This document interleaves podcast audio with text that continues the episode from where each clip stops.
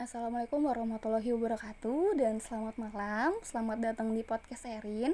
Kali ini aku kedatangan bintang tamu yang sangat spesial, dia adalah alumni dari Politeknik Penerbangan Indonesia Curug. Kita sambut aja Tas Tasya Friska Dewi. Halo. Halo. Tasya, nih aku mau sharing-sharing nih sama kamu kayak gitu kan mau tanya-tanya dulu nih kepo-kepo gitu kan tentang kan di tahun ini kedengarannya itu ada isu bahwa pemerintah bakal buka tentang sekolah kedinasan untuk itu aku mau tanya nih sebenarnya sekolah kedinasan tuh apa sih Oke, uh, sekolah kedinasan. Sekolah kedinasan itu sebenarnya sekolah yang dinaungi di bawah lembaga pemerintah ya atau kementerian hmm. biasanya dan itu memang setiap tahun pasti ada ada aja buka. Oke. Okay. Mm -mm. Oh ya, untuk sekolah kedinasan itu biasanya ada uh, walaupun dia di bawah lembaga pemerintahan tapi dia itu ada yang ikatan dinas dan ada yang non ikatan dinas okay. tuh oke okay. nah mm -hmm. Mm -hmm. terus kalau misalnya yang non ikatan dinas itu seperti apa uh, jadi kalau misalnya non ikatan dinas dia itu sekolahnya tetap nih namanya mm -hmm. kan kedinasan mm -hmm. tapi begitu lulus mereka nggak auto iya oh. mereka nggak auto jadi, jadi ASN iya jadi PNS nah sedangkan kalau yang ikatan dinas itu dia langsung begitu lulus hmm. dia langsung dikasih penempatan di mana di mana langsung mm -mm. langsung ikatan dinas gitu ya iya hmm. makanya itu kita harus tahu nih sekolah hmm. kedinasan mana aja ikatan dinas dan mana yang non ikatan dinas okay. karena walaupun konteksnya sama-sama kedinasan tapi sebenarnya berbeda beda hmm. iya oke okay. terus uh, gimana nih kamu memutuskan untuk memilih masuk di sekolah kedinasan apa awalnya nih kok bisa gitu kan uh, jadi sebenarnya waktu pas SMA pas mau lulus SMA hmm. itu selain daftar sekolah kedinasan tentunya aku juga daftar PTN dong hmm. ya okay. arah-arah pada umumnya dan di PTN itu waktu itu saya alhamdulillah sih keterima di salah satu PTN tapi saya lebih memutuskan untuk ngambil yang kedinasan dan kebetulan di kedinasan yang saya pengen ini juga saya keterima juga Uh, karena ada beberapa alasan sih pertama kan memang orang tua lebih pengennya saya ke hmm. situ terus kedua juga kalau dipikir lagi kan dia uh, dan kedinasan yang saya daftar ini kebetulan sedang ada program polbit yang hmm. ikatan dinas jadi begitu lulus kita langsung, langsung ditempatin iya jadi kita nggak usah bingung-bingung lagi cari kerja hmm. gitu kan hmm. terus yang ketiga juga sekolah kedinasan itu kan di bawah lembaga pemerintah gitu ya dan dia lebih kayak peraturannya tuh lebih agak ketat lah. Iya oh, jadi kayak asrama juga gitu kan. Gitu sih.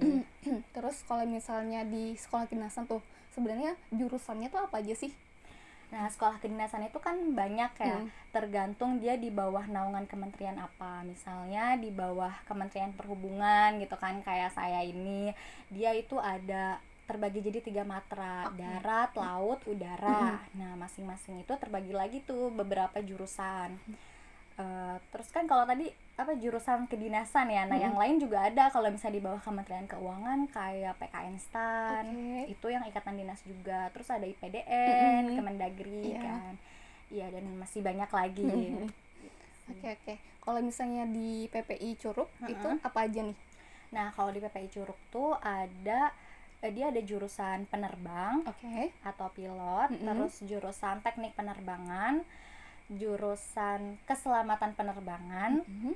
dan jurusan manajemen penerbangan okay. nah dari masing-masing jurusan itu dia terbagi lagi kayak misalnya penerbang mm -hmm. dia itu e, kalau dulu dia tuh masih ada lagi terbagi yang sayap tetap atau sayap putar gitu kan oke okay. iya terus uh, rotary maksudnya ya, mm -hmm. rotary helikopter mm -hmm. gitu kan terus kalau yang di teknik itu dia terbagi jadi teknik pesawat udara teknik navigasi udara, teknik listrik bandara, teknik mekanikal bandara, dan teknik bandar udara bandara landasan, okay. bangunan dan landasan. Terus keselamatan dia terdiri dari lalu lintas udara mm -hmm. dan pertolongan kecelakaan pesawat. Oh, oke okay, oke. Okay. Kalau manajemennya itu ada OBU atau operasi bandar udara. Mm -hmm jadi so. memang banyak banget ya nah itu bisa nggak sih kita pilih aja oh aku mau masuk jurusan ini aku masuk jurusan ini atau memang udah ditetapin nih kamu masuk jurusan ini bisa mm -hmm. uh, pas kita daftar itu kan tentunya kita milih kan mm -hmm. pengen masuk jurusan apa nih mm -hmm. tapi biasanya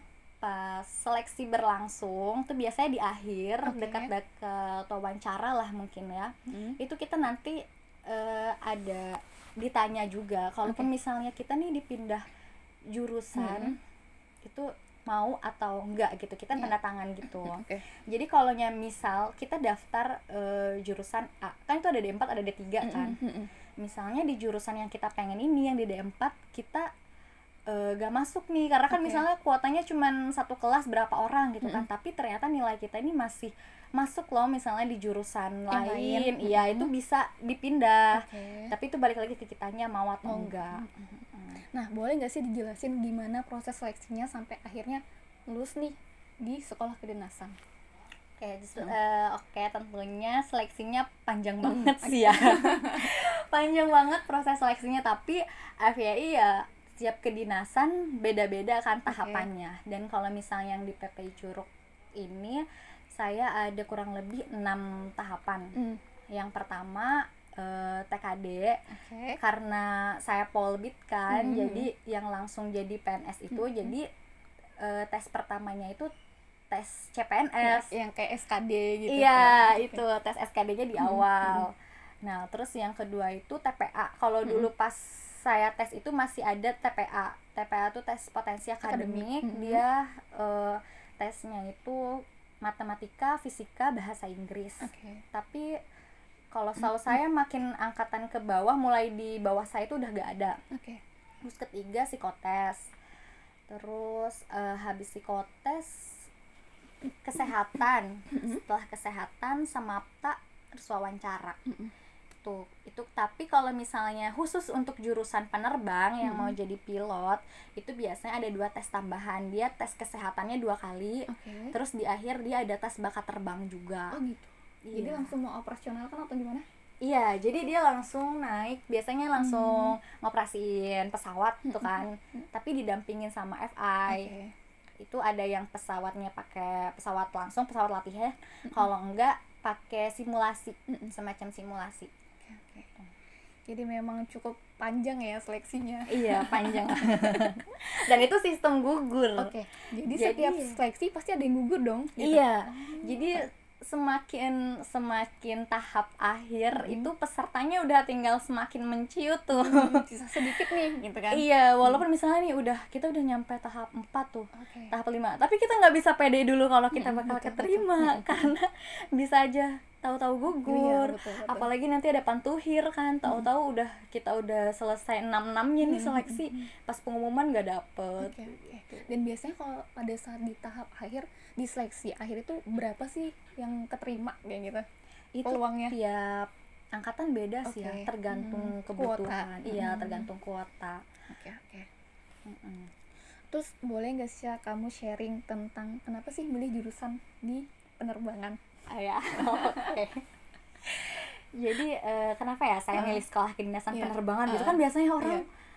apa gitu kan Ah, yang pajak apa Hmm, gitu. Jadi pertama sih selain melihat peluang, Oke.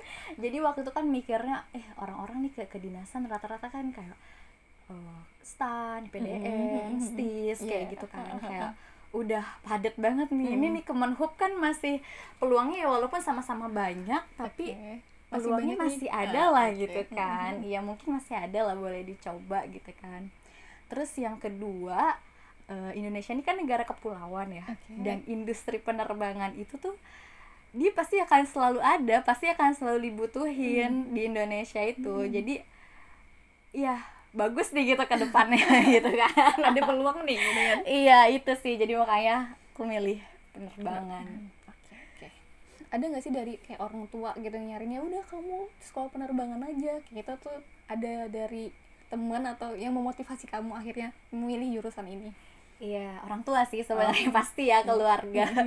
Karena awal tahu ada sekolah ini juga dari keluarga kan. Oke. Jadi eh ya dimotivasi terus di inilah terus gitu kan kayak iya disupport. Gimana kalau milih ini aja gitu kan. Dan setelah dipikir-pikir dan setelah melihat ya tadi kan beberapa pertimbangan kayak iya juga sih jadi akhirnya ya udah deh Memutuskan. coba iya coba daftar coba milih dan alhamdulillah dapet lulus. iya lulus.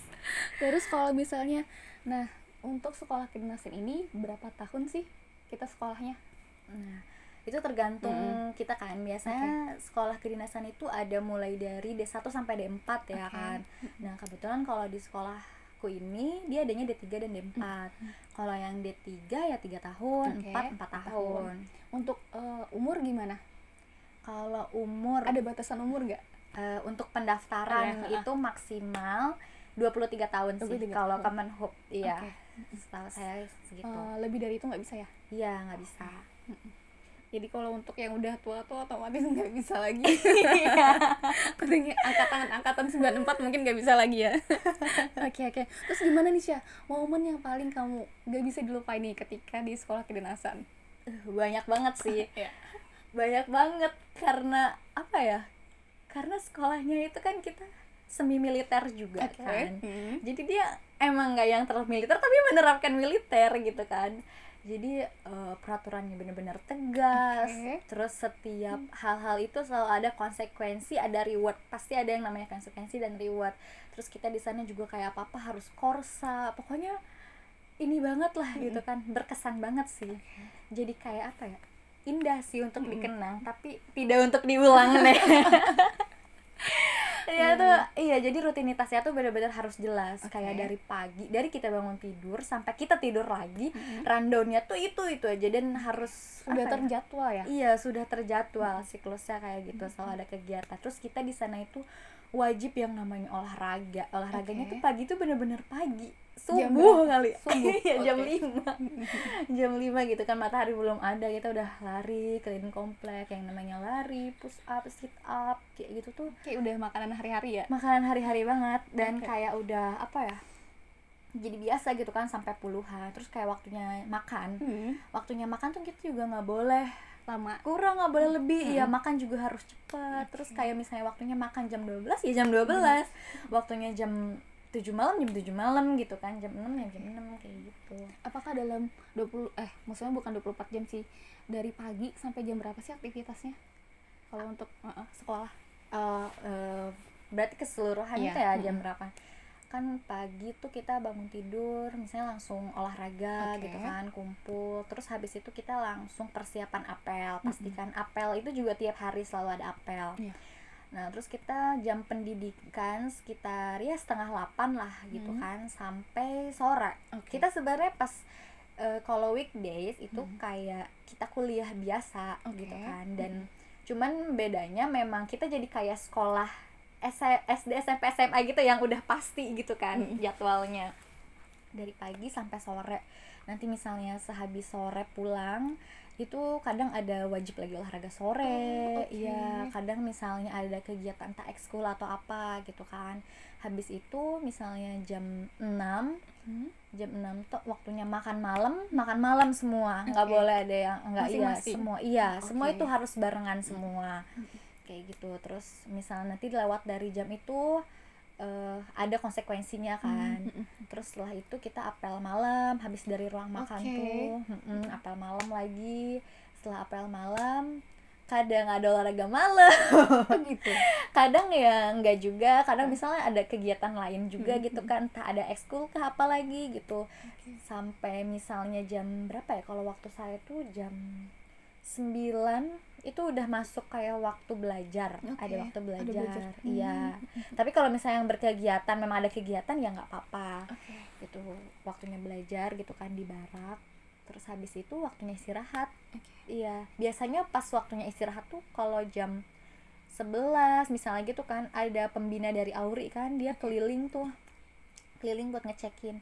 Semuanya harus tidur dan tidur tuh harus berpakaian rapi kadang kita Oke. suka iseng gitu Mhm. dicekin tuh si selimut dibuka Oke oke. Oh sampai dicek juga. iya kadang ya tapi kan tergantung juga Mhm. sampai dibuka kayak kita harus berpakaian lengkap bener-bener pakai training pakai baju panjang yang sopan yang rapi gitu kan Oke. terus ya pokoknya gitu deh terus kalau misalnya seburu-buru apa pun kita nih misal pagi kan jadi eh, kalau disebutin kayak tadi kan kayak yang senggang aja gitu ya Mm-mm. kayak biasa aja gitu Mm-mm. kan tapi aslinya itu hektik banget sih jadi antara satu kegiatan dan kegiatan Kegiatan yang lain. lainnya itu kan harus tepat waktu tapi eh, apa ya sedangkan kan luas ya asrama Oke. tuh kan terus kegiatannya tuh padat banget aslinya kalau di aslinya tuh bener-bener padat padat banget banget belum ada acara-acara yang tak terduga Oke. gitu kan ada kegiatan-kegiatan tak terduga kayak gitu tapi sesibuk eh se apa ya se iya Padat. sesibuk apa pun dan sepadat apa pun kita Mm-mm. apa pun tuh kita harus ninggalin kamar dengan rapi. Oke.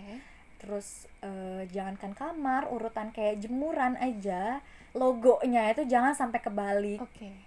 pokoknya aturan kita tuh ada namanya PUDD gitu kayak peraturan buat kita naruh ini kayak gimana lemari apa segala macam pakaian kayak gitu. Pokoknya terus kayak spray apa harus kenceng itu.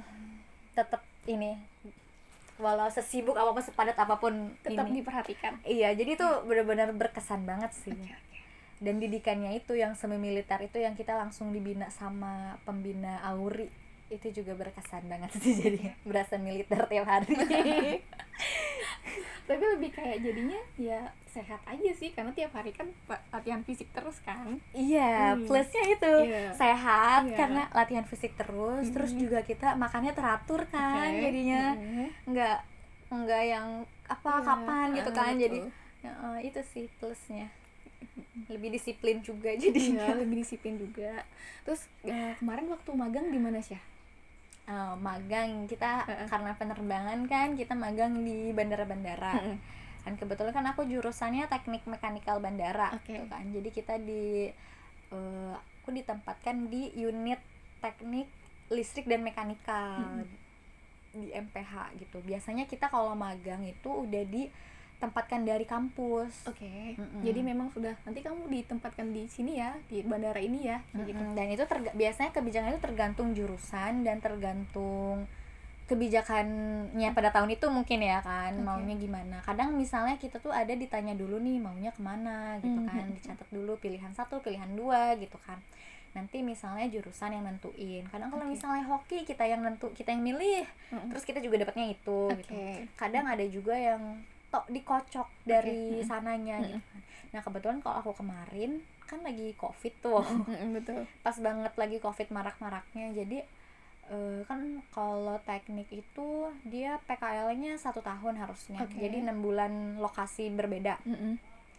jadi pas enam bulan pertama itu di rumah Oke. buat project based learning gitu jadi kita kayak bikin project dari rumah tapi Mm-mm. kita tetap kayak di sidang juga Oke. tetap harus ada hasilnya juga nah setelah itu untuk lokasi berikutnya karena si covid ini masih belum membaik Mm-mm. jadi akhirnya OJT-nya sesuai dengan domisili masing-masing Oke. gitu yang terdekat oh ya FYI kalau misalnya PKL di kita itu namanya OJT Oke. atau on the job training Oke siap. Terus gimana sih ya? Kalau pada saat magang nih udah nih kayak gitu kan di bandara udah ditentuin. Nah pasca lulus ditempatkan di mana? itu sih yang pas lulus ya Mm. Eh, kebetulan kan aku kemarin angkatan pertama nih Oke. yang polbit Mm. yang bakal ditempatin tuh kita sempat digantung tuh sekitar kurang lebih tiga bulan Mm. kali kalau nggak salah ya dan itu kita kayak bener gak sih ini kita Emang ditempatin angkatan-angkatan sebelumnya memang nggak ada? nggak ada Oh gitu. iya jadi dari kita tuh dari yang sebelum sebelumnya itu adanya dia jalur reguler dan mandiri Oke. jadi biasanya lulusannya itu outputnya itu ke eh, BUMN Hmm, misalnya BUMN nya penerbangan kan kayak Airnav Oke. gitu kan terus kayak angkasa pura Oke. kayak gitu ke bandara-bandara nah kebetulan aku angkatan pertama kan Mm. terus digantung juga dan eh, setelah mendekati penempatan itu pokoknya kita di dikasih tahu karena kan Oke. Ternyata nih Indonesia ini luas nih dari Sabang sampai Merauke Oke. bandara tuh nggak cuman yang itu itu Iya. aja iya Uh. nggak yang di kota-kota besar aja ternyata bandara tuh banyak ada Oke. kelas 1, kelas 2, kelas 3 gitu kan dan kita udah diwanti-wanti kalau kita harus siap ditempatkan di mana pun Di mana pun. karena kita udah berjanji Oke. Oke. karena kita sudah berjanji dan bertanda tangan Oke. jadi mau nggak mau lah kita pasrahkan itu kan Mm. dan karena angkatan pertama terus juga kebetulan D3 kan Oke. ternyata kita itu plotnya ditempatkan di bandar-bandar kelas 3 Tiga. mayoritas sih Mm-mm. sebenarnya ada yang dapat kelas 2 cuman bisa dihitung jari lah gitu Oke. kan Mm-mm. Eh, sisanya di kelas 3 terus pas begitu pengumuman kita semua ini nggak ada yang tahu sama sekali penempatan kita masing-masing karena asing gitu kan Iya. nama-namanya ternyata wah bener-bener seluruh penjuru. Oke. Dan itu eh, bener-bener random sih kalau ya waktu ku alamin waktu itu ya. Jadi nggak berdasarkan nilai atau apalah gitu Oke. kan. Terus juga nggak berdasarkan domisili yang dari barat bisa ke timur Oke. timur bisa ke barat tengah bisa ke mana gitu kan. Ke ujung-ujung gitu Kayak gitu sih. Ya itu sebenarnya awalnya shock banget juga kayak ah ini di mana nih? Gitu kan. Terus mendengar penempatan di mana? Ya itu asalnya masih biasa aja Iya. masih oh ya udah oh Kalimantan gitu kan oh, Kalimantan Timur masih biasa tuh. Hmm. tapi setelah pas datang nih kan kan datang ke Samarinda dulu nih. Oke. Ternyata oh dari sini harus naik pesawat lagi. Ya jauh ternyata belum belum berakhir nih. Iya ternyata perjalanan yang belum berakhir masih harus melewati pegunungan lembah dan segala macam. Ternyata oh habis eh, setelah itu kan kita kayak inilah kan eh, angkatan kita nih khususnya kayak oh iya ternyata banyak juga nih ya bandara-bandara Indonesia tuh sampai kayak di kepulauan di tengah-tengah pulau yang di tengah laut terus sampai kayak di dalam-dalam apa ya yang jauh gitu mungkin dari mana-mana ternyata ada juga. Oke. Sih ya udah sih itu jadi pengalaman aja walaupun awalnya agak shock pas udah nyampe lebih banyak penyesuaian ya. Iya jadi akhirnya ya mau nggak mau kan kita nyesuaiin juga. Cepat beradaptasi. Dia iya. Terus gini sih kalau misalnya nih eh, buat teman-teman yang bakal ikutin seleksi sekolah kedinasan kira-kira apa yang perlu dipersiapkan? Kalau saran buat teman-teman atau adik-adik yang mau daftar sekolah kedinasan mungkin harus persiapan dari jauh-jauh hari ya. Oke kayak sama sih kayak kita nyiapin sekolah kedinasan itu sama halnya kayak kita nyiapin memasuk akpol, akmil Oke. gitu kan atau misalnya PTN gitu tapi lebih kayak ke tadi sih kan mungkin ada kalau kayak sekolah kedinasan kan ada tes fisik Oke. gitu kan jadi kalau bisa sih kalau saya saranin itu dari satu tahun sebelumnya atau dari beberapa bulan sebelumnya terus sering-sering aja kayak latihan soal CPNS. Anu nggak jauh beda gitu nggak sih atau gimana nggak jauh beda apa soal soalnya dari dengan pelajaran kita sebelumnya waktu sekolah atau eh, udah kalau- tingkat-tingkat kayak kampus gitu oh kalau yang tes CPNS itu itu kayak umumnya tes CPNS Oh, oke. kita ini ya Hmm. yang yang dar- terdiri dari apa tes intelijensi Mm-mm, ya iya. kepribadian Wawasan- ya wawasan kebangsaan. Oh, itu sih oke. sebenarnya kan kalau misalnya yang waktu aku masih ada TPA Mm-mm. itu yang ada matematika fisika bahasa Mm-mm. Inggris itu sebenarnya emang hal-hal yang udah kita pelajari di sekolah aja sih Oke. sebenarnya enggak enggak sesulit SBM kok sebenarnya cuman sulitnya di tes CPNS-nya sih ya Oke. karena ada Mm-mm. apa nilai ambang batasnya betul, passing gitu. grade-nya. iya passing grade-nya Oke. Terus apa lagi nih, Syah? Mungkin lebih kayak setiap seleksi kita harus anu nggak sih ada perlu persiapan untuk biaya pendaftaran nggak sebenarnya? oh iya itu benar Nah. banget jadi setiap karena sistem gugur juga Mm-mm, kan tadi mm-mm. jadi setiap seleksi itu setiap tes tuh pasti ada eh, biaya tesnya Oh, gitu. Mm-mm. tapi kalau misalnya ini kan dari tes misalnya kita lulus nih di tahap satu Mm-mm. eh, mau lanjut ke tahap dua nah Mm-mm. itu kan baru tuh kita bayar Oke. tapi kalau misalnya kita eh, apa udah dinyatakan gak lulus kita nggak harus bayar yang berikutnya Hmm. kok jadi kita nggak bayar sekaligus Oke, jadi oke. per tes Per gitu tes per- ya. pembayarannya siap, siap. Jadi memang harus tidak hanya eh, akademiknya saja, tapi juga finansial juga dibutuhin nih. Kita harus persia- persiapan untuk itu kan. iya Iya, finansial iya. dibutuhin oke. juga Selain itu apa lagi sih? apa ya Mungkin support dan doa dari orang tua. support iya sih jangan lupa sih itu Hmm. emang harus banyak berdoa juga Iya, iya. harus berdoanya yang bener-bener gitu kan Mungkin kalau didukung sama tahajud mungkin. iya kalau yang Islam itu tahajudnya lebih dirutinin lagi wiritannya lebih dirutinin lagi Oke, oke. Hmm, terus ada lagi nggak sih saran buat teman-teman gitu?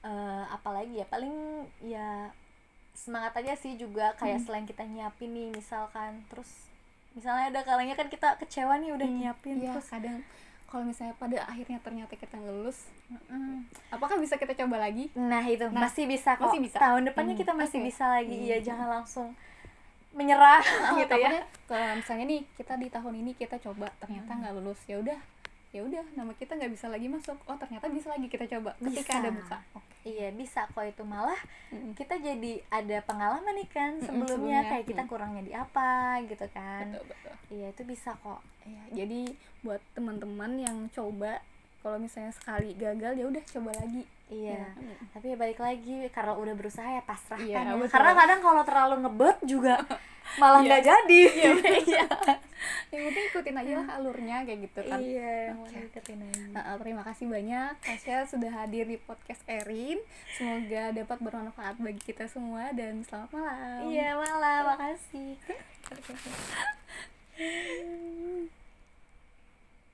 Oke.